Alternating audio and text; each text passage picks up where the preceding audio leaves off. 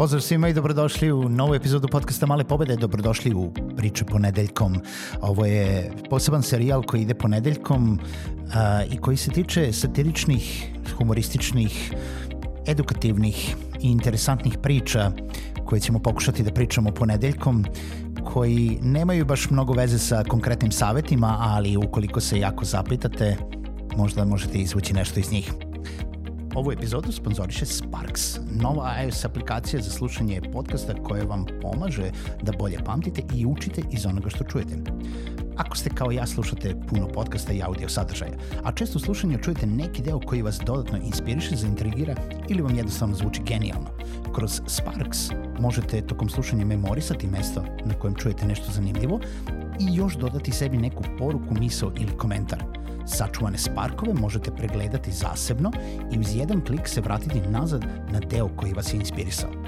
Ukoliko posjedujete iPhone ili iOS uređaj i želite da probate Sparks, posetite malepobede.rs kroz Sparks sa ks i skinite beta verziju. Idemo na sledeću priču i uživajte u pričama ponedeljkom.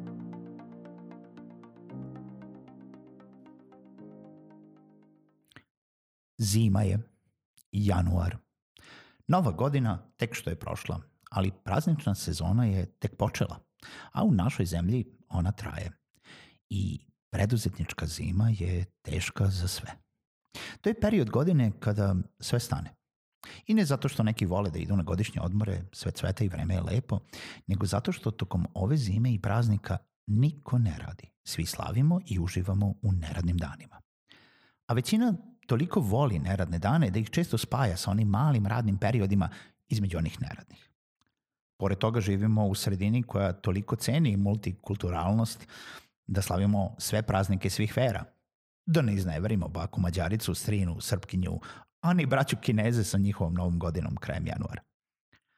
Tokom preduzetničke zime ni jednom preduzetniku nije lako. Pogotovo ukoliko se nije dovoljno spremio za zimu ukoliko nije nakupio dovoljno sredstava da preživi surove uslove koji slede. Jer tokom ovog perioda niko ne otvara mailove, niko se ne javlja na telefon, niko ne zakazuje sastanke i interno ili eksterno većina komunikacija, investicija, dogovora, pregovora i interakcija stane. Ko nije spremio zimnicu, januar mu nije omiljeni mesec. A čak i kada prođu udarni praznici sredinom januara, preduzetnička zima se nastavlja. Nastavlja se jer nakon nekoliko nedelja slavlja, pijančenja, trošenja i preždravanja, dolazimo u prve radne dane shvatajući da smo se i su više lako navikli da ne radimo i shvatajući da će nam biti potrebno neko vreme da stanemo na noge slično kao nakon dugo preležane prehlade da se vratimo u ritam, da aktiviramo sobstvene timove i da dovedemo red prvo u svojoj kući. Stoga čak ni oni vredniji koji su odlučili da za njih praznici ne postoje i da rade čak kada drugi ne rade, ne mogu da izbegnu preduzetničku zimu. Jer poslovni svet je svet za koji je potrebno dve strane. I makoliko vi ignorisali neradne dane, šanse su da većina vaših saradnika, klijenata, a čak i deo vašeg tima to neće uraditi.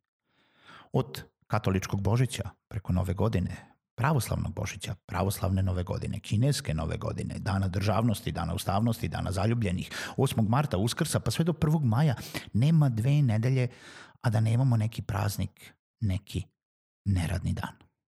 Ali kako sva godišnja doba imaju svoje pikove, zasigurno udarni deo preduzetničke zime je januar. Pa imajte nade. Već negde tokom februara počeće da popušta i da se svi vraćaju u svoje normalne tokove.